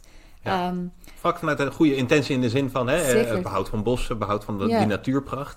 Maar vaak wel eh, een soort verdisconterend dat, dat daar eh, mensen woonden, Ja. sowieso. Ja. Dat mensen invloed hadden op het landschap. ja. Bekend bijvoorbeeld inderdaad Yosemite Valley, wat, wat, Mhm. wat werd onthouden eigenlijk door, door de lokale gemeenschap daar. En dat het ook wel vaak ook in die geschiedenissen van die stichtingen, van die allereerste nationale parken, nationale bossen, hè, denk, eh, Yellowstone Park en de, de Everglades, dat dat ook vooraf ging vaak aan het verdrijven van, eh, van deze inheemse bevolking. Ja. Eh, ja, ja, en vervolgens uitroepen tot wildernisgebied, Mhm. waar dan die bevolking vervolgens niet meer mocht komen. Ja, ja. Dus dat is ook wel, en dat, dat heeft eigenlijk een hele zwarte kant eh, heeft dat gekregen Ja, in de, in de. Verenigde Staten. Ja, en ik denk dat het daar ook in de Verenigde Staten had je dat, dat idee dat als iets een wildernis werd, dat, de men, dat je daar mensen moest buiten houden. Omdat mensen die wildernis altijd zouden aantasten. Ehm, wat natuurlijk logisch is als je kijkt dat je daar in een soort dominante ideologie zit, waarin dat het eigenlijk het idee is van als je als mens in de wildernis komt, moet je die gaan overwinnen of moet Ja, je die temmen, ja. moet je die cultiveren. Ehm, dus er werd eigenlijk op, op die moment werden er in, in Amerika, ook in Europa trouwens, eh, in, op die, in de 19e eeuw, werden er eigenlijk stukken gebied opzij gezet om te zeggen van, oké, we, we maken hier nu een, een denkbeeldige lijn rond op de kaart Ja. en eh, dit is wildernis, dus dit is niet voor mensen. En dan heb je in Amerika natuurlijk ook het... Je hebt daar ook de mentaliteit van opnieuw beginnen. Eh Thoreau schrijft dat zelfs in, in Walden vaak, dat hij naar de wildernis gaat, dat je eigenlijk altijd opnieuw wilt beginnen. Ja. Eh, je wilt niet vasthangen aan dat verleden enzovoort, en, want er is iets, Klopt, ja. iets mis in die civilisatie, Ja. in die beschaving, dus je wilt daaruit, je wilt opnieuw beginnen. En dat wil ook zeggen dat wildernis werd eigenlijk ook gezien door de romantici als de plek waar je altijd opnieuw kan beginnen. Ja. En je kan in die die... soort rejuvenation Ja, absoluut. Ja, ja, dus ja. het ging er dan niet meer om om die wildernis te, te cultiveren, of toch niet in die national parks, maar wel als datgene waar je opnieuw kon beginnen. En het is ook geen toeval dat dat national parks waren. Dat, dat haakte in op die Amerikaanse identiteit. Dus het was van, ja, maar wij zijn de mensen die altijd opnieuw beginnen. In de wildernis beginnen wij opnieuw. Dus Ja. daar werd ook een connotatie gemaakt, inderdaad, met waar dat de wildernis in Europa op die moment zeker meer geassocieerd werd met iets eh, historisch, iets van het verleden. Mhm. Bijvoorbeeld, de, er werd dan gekeken naar de grote bo- oerbossen die dat door de Romeinen werd beschreven, maar eerder als het terrein waar dat er op die moment ehm, bijvoorbeeld de Germanen en de Galliërs en zo leefden als een soort van, wij halen hier een historische identiteit uit die dat eh, nobel is, want wilder dan die van ons, maar dus wel iets historisch heeft, is in Amerika de wildernis was echt voor de settlers datgene om opnieuw te beginnen. Dus je krijgt ook iets heel ahistorisch. Ja. Iets waar dat je eigenlijk Ja. altijd Adam en Eva bent. De eerste mensen die opnieuw geschapen worden. Dus daar heb je een idee van wildernis ook, waar dat de mens er helemaal wordt uitgezet. En dat was Ja, bijna als een paradijselijke tuin, waar je eigenlijk ook bent uitgesodemieterd op een bepaalde manier. Ja, Ja, ja, inderdaad. tuurlijk, en waar dat je als uitverkorene bijna terug in kan Ja. stappen. Ik zie het ook altijd heel erg als, bijna alsof hij het beschrijft als een herkansing voor de beschaving. Mhm, ja. Dat de westerse beschaving heeft het eigenlijk verspeeld in het Europese continent en krijgt dan nog een keer de kans om zich te bewijzen, als het ware. Ja, absoluut. Ja. En ook ergens inderdaad, ja, dat vind ik zo opmerkelijk bij die vroege schrijvers in de 19e eeuw inderdaad. eh, Thoreau, maar ook Hawthorne. Ook die, die oproep tot een nieuwe Amerikaanse identiteit. Weg van het Engelse, eh, weg van het Engelse, weg, weg van de Europese identiteit ook echt ja, heel sterk. zeker. Ja. Ik heb ooit eens eh, in een boek over nostalgie, Svetlana Boym is een, een theoreticus daarover, schrijft erover dat Europa kent een nostalgie naar een, een geschiedenis of een verleden. Ja, Amerika heeft de dinosaurussen ehm, eigenlijk gepromoot als het object van een soort ahistorische nostalgie. Om dat, bij, om dat te claimen als een element van hun identiteit. Omdat ze eigenlijk, ja, om, omdat Amerika zijn hele geschiedenis heeft Ja. uitgewist. Of zijn menselijke geschiedenis heeft uitgewist. Omdat, ja, de Ja. menselijke geschiedenis daar waar, waar de inheemse bevolking. Maar dat is een heel zwart verhaal. Dus Ja. is het een soort van, ja, maar wij stammen af van eh, de dinosaurussen bijna. Als een soort van, en dat is ook een heel wild element. Dus dat haakt ook in, in die bepaalde wildernisidentiteit in Amerika, die daar zo hard gebrand is op een eh, opnieuw beginnen vanuit een, een soort van prehistorie, waarin dat alles nog echt wild Ja, en en dat is een groot en natuurtoestand, was. eh, gek, ja, hè? een natuurtoestand. inderdaad. Ik vind dat bij John Muir dat, dat hij op een gegeven moment ook schrijft van... Heeft hij het over hele oude bomen, oude sequoia's. En dan zegt hij, ja, deze, deze sequoia wiegde al met zijn naalden... Op het moment dat, eh, of eh, trouwens niet naalden, een soort schubjes meer. Maar eh, op het moment dat Jezus in de wieg lag. Of op het moment dat eh piramides wor- wor- worden gebouwd. Ja, ook om eigenlijk te laten zien van, ja, onze natuur heeft eigenlijk een veel, heeft veel diepere wortels dan jullie toch al wat oppervlakkige cultuur als je maar lang genoeg de tijd neemt of zo. Ja, hè? Dus bijna zeker. ook die. ehm, ja, het is inderdaad op een bepaalde manier ook een hak zetten naar Europa. Echt om Ja. ook af te zetten van in Europa heb je, dat schrijft ook op een gegeven moment Thoreau, dat hij zegt, ja, de Rijn, daar heb je allemaal historische lagen en kastelen en allerlei verschillende menselijke artefacten langs. Terwijl de Mississippi, dan zegt hij, ja, daar kan ik nog zien dat die Buffalo dat water oversteekt en zo. Hè? Zonder dat er eigenlijk al te veel bouwwerk, bouwwerken Ja. zijn van, van verleden tijd. Ja. Ja, En ja. dat is gewoon een totaal ontkennen van ehm, een menselijke geschiedenis in Ja. Amerika natuurlijk. Ja. Dus in dat opzicht Ja. is dat een heel koloniaal idee, want dat, dat geldt ook als een koloniale legitimatie. Ehm, de, de manier waarop die wildernis wordt voorgesteld als een natuurstoestand die daar door veel wordt gezien als een soort van bron van iets, eh, iets edel en nobel en, en kracht voor het volk, maar langs de andere kant ook als iets eh, ook gevaarlijk, dus daardoor ook overwonnen moet worden of Ja. kan worden. En, en ook als een legitimatie voor die hele Amerikaans, dat hele Amerikaanse idee dat je, van, dat je jezelf moet kunnen onderhouden, verdedigen eh, enzovoort, heeft ook allemaal te maken met de ma- manier waarop dat die natuur daar wordt voorgesteld. En, Ja. Ja. En het laat inderdaad, het, het wist volledig de geschiedenis inderdaad natuurlijk uit van al die inheemse volken, die, wat je al zegt, gewoon landbouwers waren, maar ook gewoon enorme bouwwerken bouwden bijvoorbeeld en agra- agrarische constructen. Volgens mij is de, de grootste stad tot, tot, eh, in Amerika tot iets van de 17e, 18e eeuw is een, is een stad van Native Americans, Mhm. Niet van eh, niet New York bijvoorbeeld.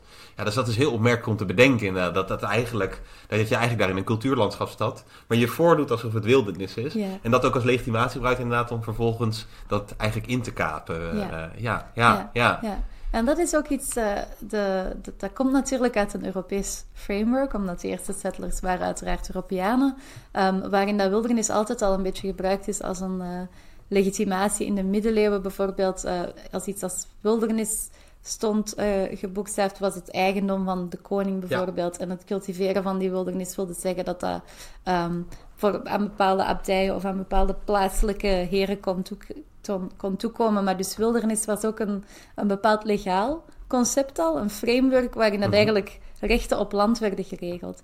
En ja, um, zo, manieren ja, om ja. te kunnen interveneren in land. En dat zie je dan natuurlijk ah, in dat koloniale ook. Want als iets wildernis is, is het ongecultiveerd. Dus kan je het eigenlijk in dat hele Amerikaanse systeem... Um, kan je er gewoon naartoe gaan en kan je zeggen, ik breng het in cultivatie. En door arbeid kan je je die wildernis toe-eigenen. En dat is een, een, idee dat in Europa al bestond. Zit in John Locke natuurlijk heel sterk. Ja, zit absoluut in Locke. Ja, maar het, ja, het is bijna ook... Ja, hoe wilde ik dat nou zeggen? Het is bijna op een bepaalde manier ook dat je... Um, die wildernis in Europa van de aristocraten was. En je ziet toch mm -hmm. ook in Amerika heel sterk die, die afkeer van aristocratie. Ja. Dat die ook, volgens mij schrijft Thoreau dat op een gegeven moment ook. Zou niet elk dorp een oerbos moeten hebben, of in ieder geval een groot park. Zoals de aristocraten ook in Europa parken hebben. Dus het is bijna ook inderdaad een soort democratisering van wildernis. Niet meer als een luxe product eigenlijk voor de jachtgebieden, voor de, voor de, voor de adel. Maar ook dus voor de, voor de gewone, uh, voor de gewone John, uh, de pionier, zeg maar. Of ja, ja, om, om, om, te, om te verkennen of om te, be, om te bekijken. Ja, ja zeker. Ja. Ja. ja, nee, dat zit natuurlijk heel sterk in. Maar dan, en dat is wel aardig, jij gaat eigenlijk in je onderzoek in op, en dat heb je eigenlijk al een beetje besproken, de culturele aspecten van rewilding en eigenlijk ook die culturele rewilding. En dat lijkt eigenlijk een beetje op scheve voeten staan inderdaad met inderdaad die, eigenlijk die meer Amerikaanse interpretatie. Al zie je trouwens wel in Amerika al heel vroeg ook daar wel kritiek, of nou niet heel vroeg, maar je ziet ook in Amerika dat het een van de eerste gebieden is waar de kritiek komt op dat dualisme. Mhm.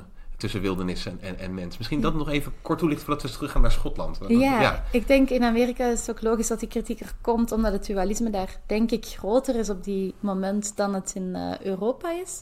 Uh, in Europa heb je toch, als het over wildernis gaat, meer een een meenemen van langs de ene kant de geschiedenis, of de culturele geschiedenis, zeker nog in die 19e eeuw, waarin bijvoorbeeld, zoals ik zei, gekeken wordt naar die Germaanse en Gallische stammen enzovoort, en dat die gelinkt worden aan de wildernis, heeft ook veel te maken met nationale identiteit op die moment. Maar ook natuurlijk de middeleeuwen, toch? Ook de, ja. de, de riddersages en zo. Ja, de riddersages die in de wildernis spelen, en dan ook bijvoorbeeld als je kijkt naar de romantische poëzie van... Um, bijvoorbeeld uh, Shelley of Coleridge. Of de, zij, zij, beschrijven ook de natuur of, of het wilde als, iets, als een bron van inspiratie, maar gaan ook wel op zoek uh, naar meer de, de rurale bevolking en zo. Dus daar zit ook een soort idealisering in van uh, mensen die dichter nog bij die natuur leven.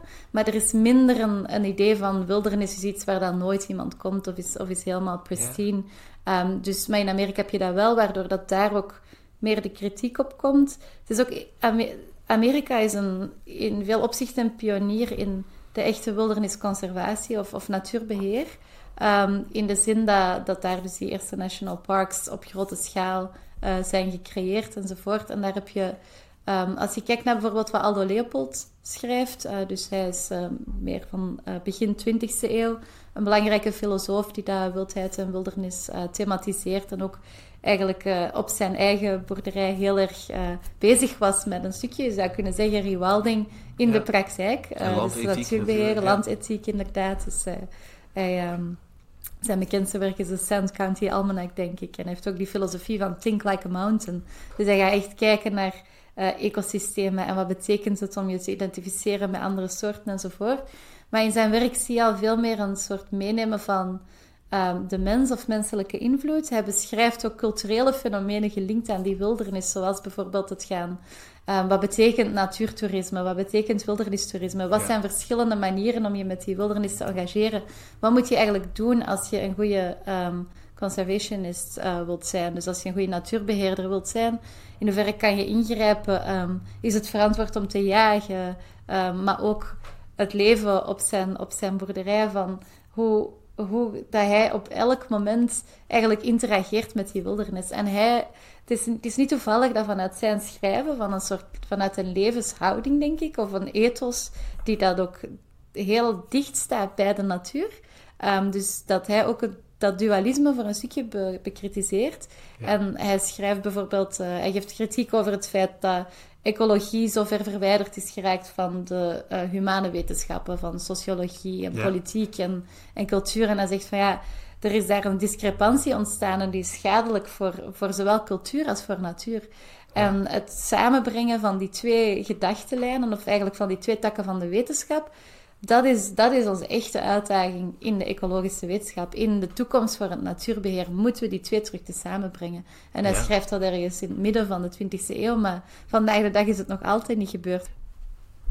En dat is denk ik ergens ook, komen daar ook een beetje terug op dat re-aspect en dat her-aspect. Dat als je natuurlijk inderdaad een, een, een baseline kiest, die in natuurbehoud waarin je zegt dit is een voormenselijke baseline, dan krijg je eigenlijk, eigenlijk een voortzetting van, van dat die geïdealiseerde wildernis, die mensloze wildernis. Maar als je, als je inderdaad een iets, laten we zeggen, recentere baseline neemt, wat toch ook wel in veel projecten steeds meer gebeurt, dan zie je ineens dat er toch ook wel een plekje wordt ingeruid voor de mens ineens weer. Ja, hè? Dat, en dat zie je zeker. in Schotland zie je dat veel gebeuren. Ja, ja. Het, en het, het gaat daar niet, ik denk in veel projecten is de baseline zelfs niet helemaal duidelijk. ik denk dat je ook binnen één project verschillende baselines ah, kan, uh, kan hanteren voor verschillende gebieden of verschillende processen. Nu, het gaat er in Schotland inderdaad wel... Er is heel veel aandacht ehm, voor het betrekken van mensen bij rewilding. En zeker niet in alle projecten, maar...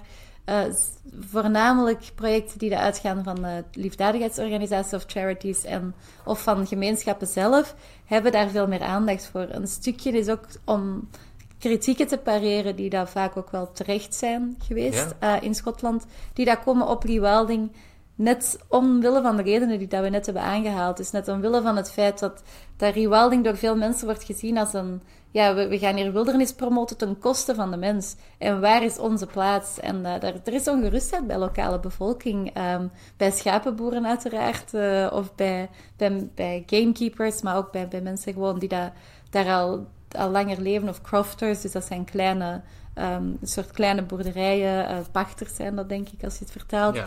Um, ja. is ook een systeem in Schotland um, om die manier te leven. Dus landbouwers, vooral rurale bevolking, hebben een soort ongerustheid voor die rewilding, omdat ze vaak associëren ze dat ook meteen met het herintroduceren van dieren als de, de wolf, die dat schapen zou opeten. En daar, ja. daar zijn ze helemaal niet voor te vinden nu. Um, dat is, dat is niet aan de orde op deze moment in Groot-Brittannië. Dat is echt een, een zeer lange termijn idee als het er ooit al van zou komen. Maar er zit dus wel die connotatie aan die wildernis van dit is eigenlijk, dit, dit is tegen onze winkel, dit is tegen de mens gericht. Waar is onze plek? En sommige van hen spreken over um, green lairds. Um, bijvoorbeeld dus groene uh, heer, heren, groene heersers. Ja. Um, en ze verwijzen dan vooral ook naar uh, bijvoorbeeld een aantal heel grote private projecten. Waar dat eigenlijk CEO's uh, of ex-CEO's of biljonairs, dus, dus miljonairs, hun, um, op hun grote estates, dat, dat, daar is heel veel land in Schotland nog in private handen van heel rijke families, daar eigenlijk uh, gaan rewilden.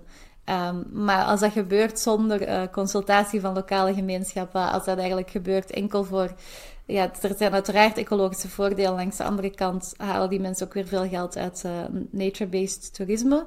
Hoewel dat de meeste van die projecten absoluut niet economisch rendabel zijn. Maar dat, die, dat beeld heerst wel bij de lokale bevolking. Maar ja, wat komen die mensen hier eigenlijk zeggen? Dat zijn vaak ook buitenlanders hoe dat ons land er moet uitzien. En die gaan hier rewilden en voordat we het weten hebben die hier wolven geïntroduceerd. Hij vertelde over een Deense miljardair ja, of zo, die daar dan een enorm gebied uh, ja, heeft. absoluut. Wat dan, en dan zie je inderdaad ook dat je eigenlijk... Ja, ik vind dat zelf ook altijd... in Nederland hebben we dan Jacques P. Thijssen wat gehad van Natuurmonumenten. En die benadrukt altijd heel erg van... er moet een, een, een band worden geschept tussen mens en mhm. natuur. Je moet, Er moet een soort kennismaking zijn. Hè? Je moet de, de, de, planten en de dieren...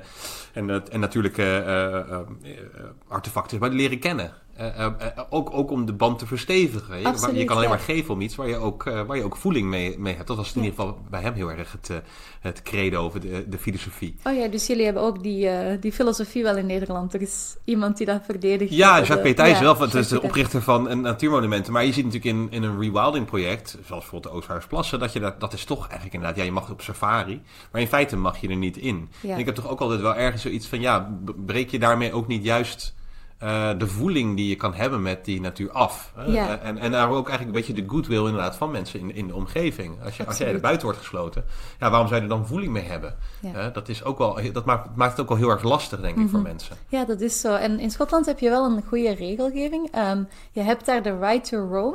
Dat is een speciale wet die dat dus maakt dat je eigenlijk, in principe mag je overal lopen. Dus ook op anderen hun land. Um, het is echt een Thoreau-achtige wet Ja, het is echt een, dus ja, ja.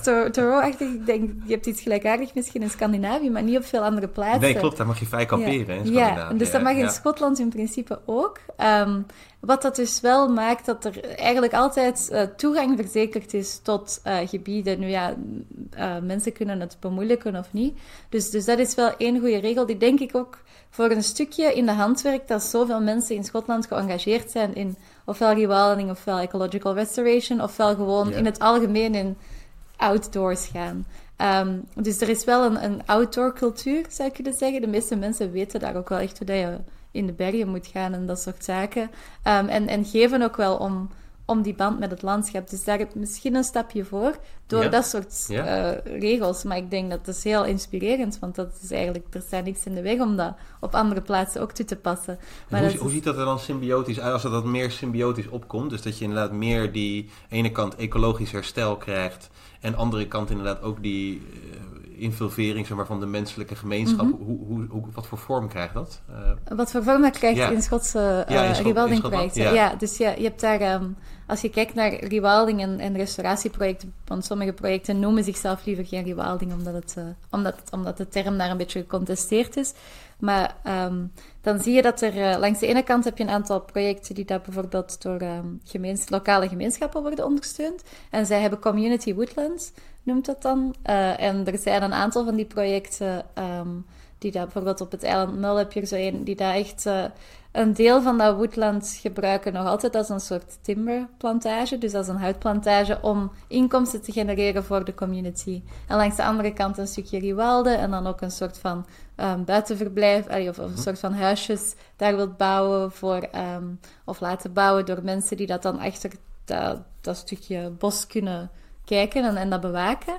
Ehm, en daar ook eh, bijvoorbeeld scholen laten komen voor nature-based education en dat soort zaken. Dus echt een combinatie van allerlei zaken die daar eigenlijk goed zijn voor de mens.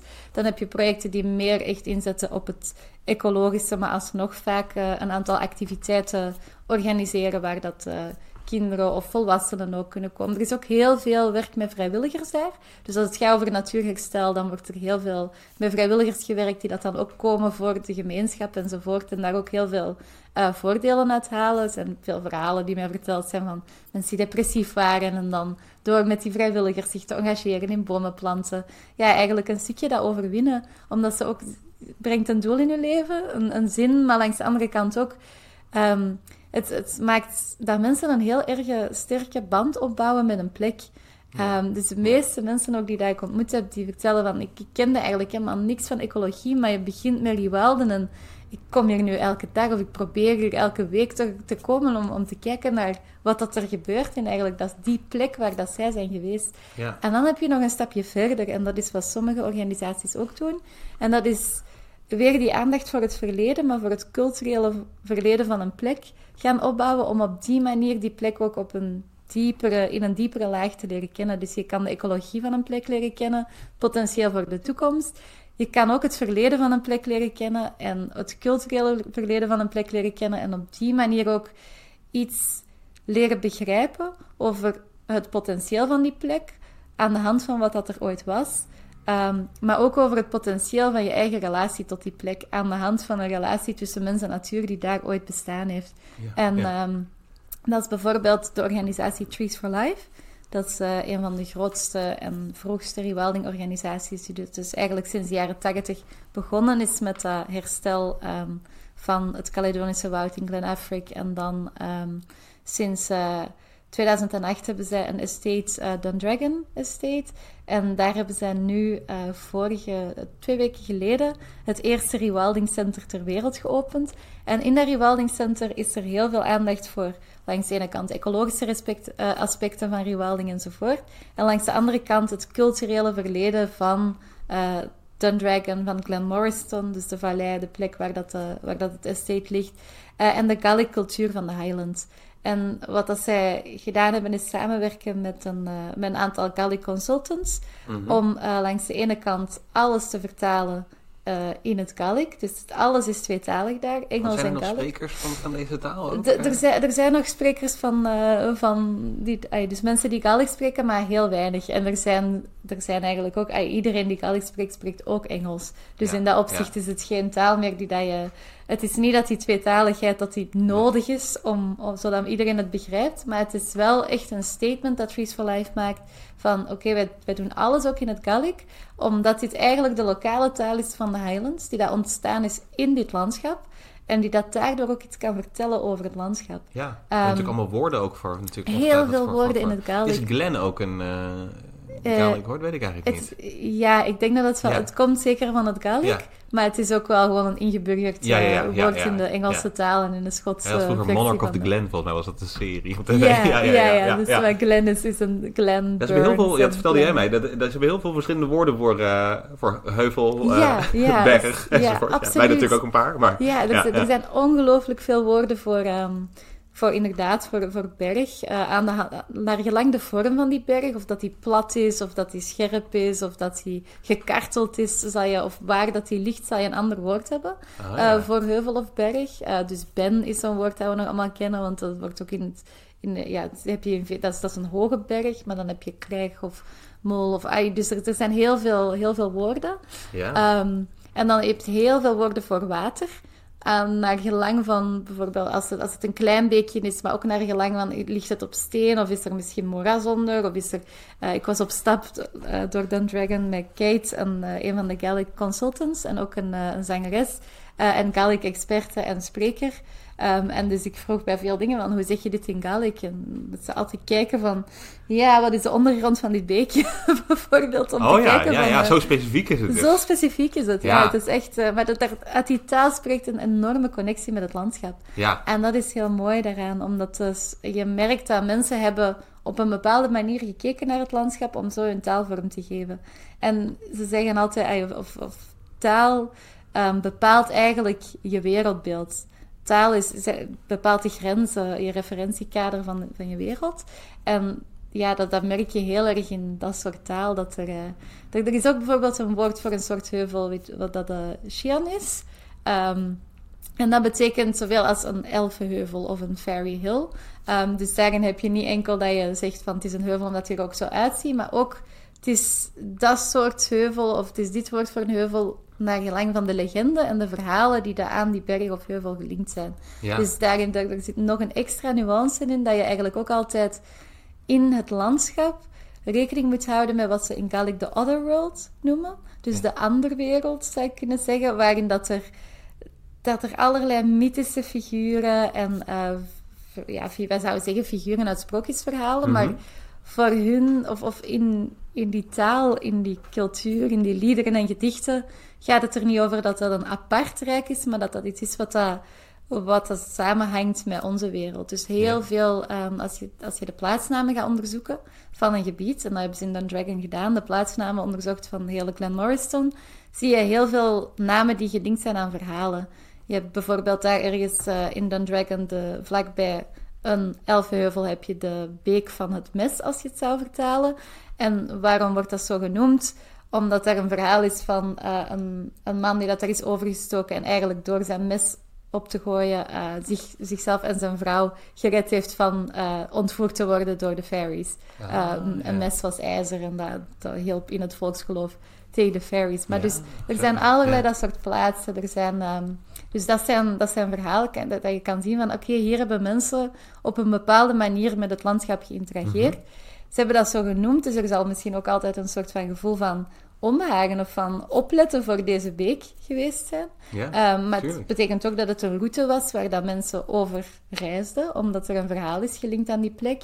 Dan heb je ook plaatsen die dat, als je ze vertaalt uit het Gaelic bijvoorbeeld, um, de Heuvel van de Raaf of um, nest van de, van de um, steenarend uh, of zelfs uh, de heuvel van de wolf genoemd werden. En dan kan je ook kijken van, is dat omdat er hier die soorten voorkwamen? Ja, ja. Is dat omdat er hier verhalen aan gelinkt waren over bijvoorbeeld een wolf of een raaf? Want die, die dieren hebben ook allemaal een functie, zowel in, in de ecologie als in de otherworld. Dus het, is, het is altijd een heel complex verhaal, maar door eigenlijk die die ook aanwijzingen voor die restauratie ja, eigenlijk. Ja, het is echt een, het, het is bijna een soort van uh, ja, een, een, schatkaart of zo. Als je die namen ziet van, hier kan je eigenlijk aan een soort van landschapsarcheologie doen, mhm. door het op die manier in kaart te brengen en zo die, die lagen in het landschap te gaan, um, te gaan onderzoeken. Als er bijvoorbeeld een plek uh, een naam heeft met die verwijst naar een shilling, dan weet je ook dat daar mensen waren. Uh, die dat daar die plek waarschijnlijk gebruikten als een zomerweide voor een, uh, voor een laten grazen. Als je daar dan ook nog oude stenen of, of restanten van, um, ja, van bouwwerken vindt, dan kan je dat op die manier ook linken aan de geschiedenis.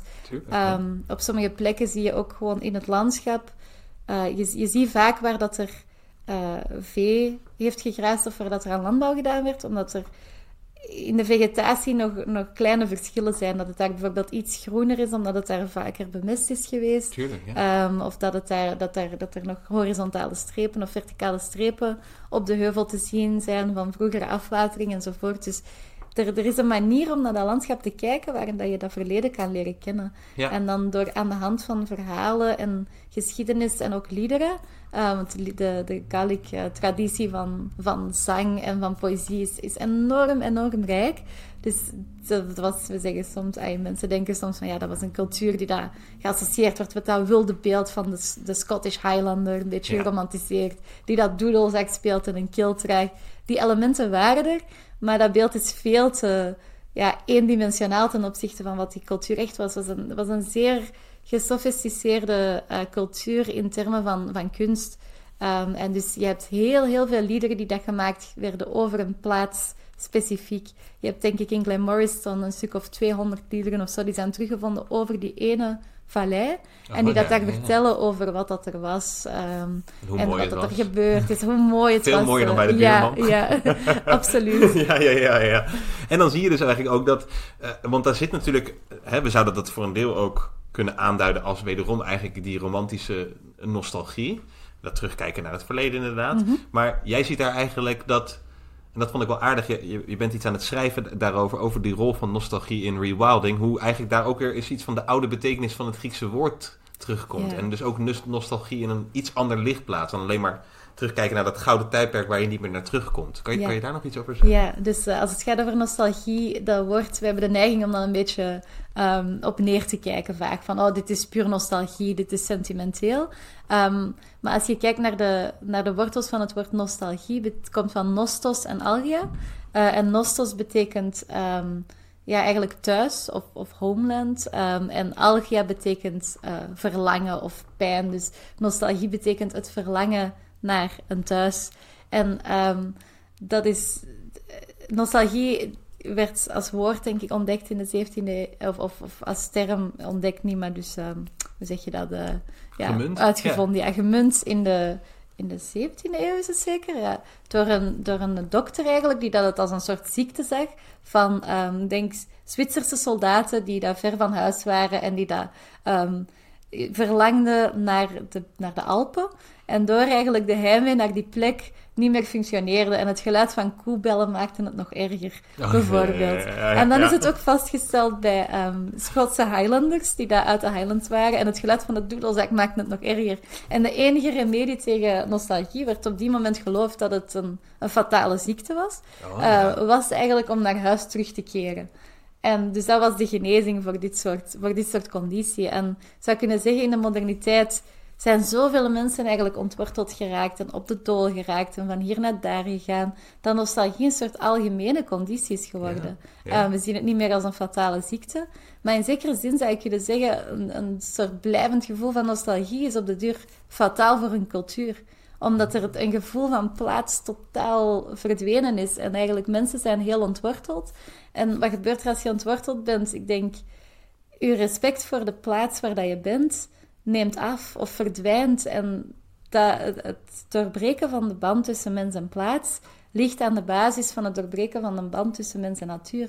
Want Ja. er is niet zoiets, denk ik, als een band hebben met een abstracte natuur een hoofdletter. Een band met natuur gaat over de band met misschien een specifieke boom, een specifieke berg, een specifieke glen. En door van dat soort elementen daarmee een band te hebben, kan je die uiteraard ook op andere plaatsen hebben. Maar het is, het, de band met plaats is denk ik een voorwaarde voor het opbouwen van een band met de natuur. En dat maakt rewilding zo mooi gegeven, omdat mensen, zoals ik zei, vrijwilligers die dat, daar, ehm, die dat gaan meehelpen bouwen, een band op met die plek.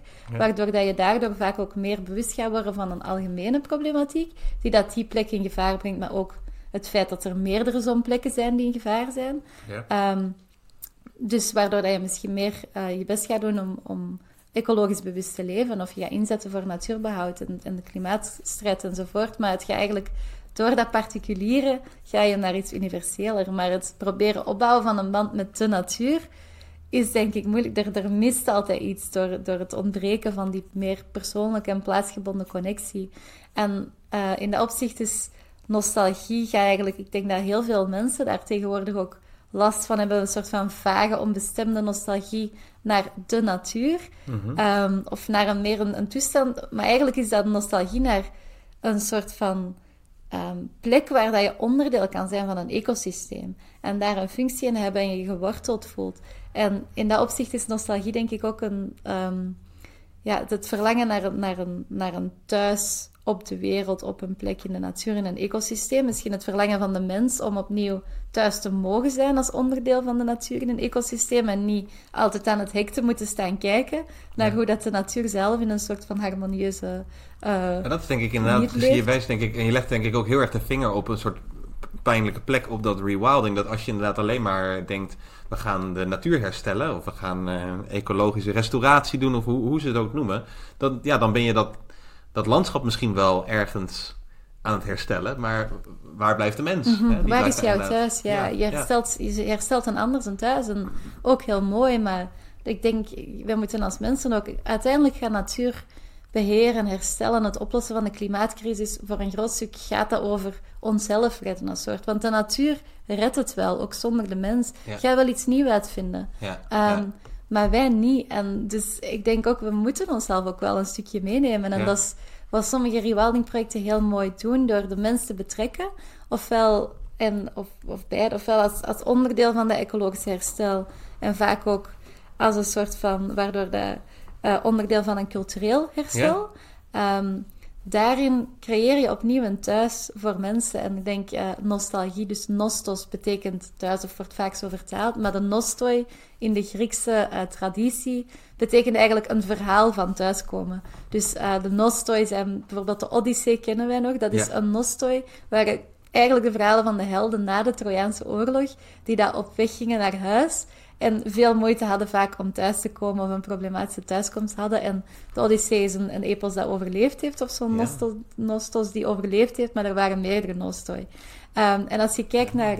Als rewilding is misschien ook zo'n soort van nostos, een verhaal van thuiskomen. Ik denk dat dat ook Ja. een deel van de populariteit van rewilding vandaag de dag verklaart wanneer het gaat over een rewilding die dat ook eh, kansen biedt voor de mens, is omdat het duidelijk aanslaagt als een verhaal van oh, maar misschien kunnen we thuiskomen. Ja. En er zijn ook meer en meer mensen die een tuin bijvoorbeeld beginnen te rewilden of die dat in de stad denken, kunnen we hier onze straat rewilden. En ook dat gaat allemaal over het creëren van een thuis voor jezelf en het besef dat het creëren van die thuis voor jezelf ook altijd het creëren van een thuis voor anderen betekent. Omdat je, of dat zijn nu anderen zijn, andere mensen, maar ook andere soorten. Tuurlijk. Omdat je eigenlijk, ja, een thuiskomst kan je alleen denk ik hebben in gemeenschap, in community. Ja. Eh, en dat is de community of the land, om het terug met Leopold te zeggen, Ja. dat je, dat je Ja. zien dat iedereen daar Ja, en dat we dus is. eigenlijk op een bepaalde manier op weg zijn met op onze eigen odyssee. Dat vind ik eigenlijk ook wel een hele mooie Mhm. Ja. gedachte. En het duurt lang natuurlijk. Het duurt heel lang. Ja, ja, ja, ja, ja, ja, nee, zeker. Nou, Linde, ik wil je heel erg hartelijk danken voor dit, eh, voor dit fijne gesprek. En natuurlijk ook Ja. heel veel succes met je veldwerk in, in Schotland en het schrijven van je dissertatie. En eh, dank voor je komst. En de luisteraars thuis, ook dank u wel voor het luisteren. En tot de volgende keer. Ja, dankjewel Norbert. Dank je. Dit was weer een aflevering van Radio Horselnest. Dank u voor het luisteren.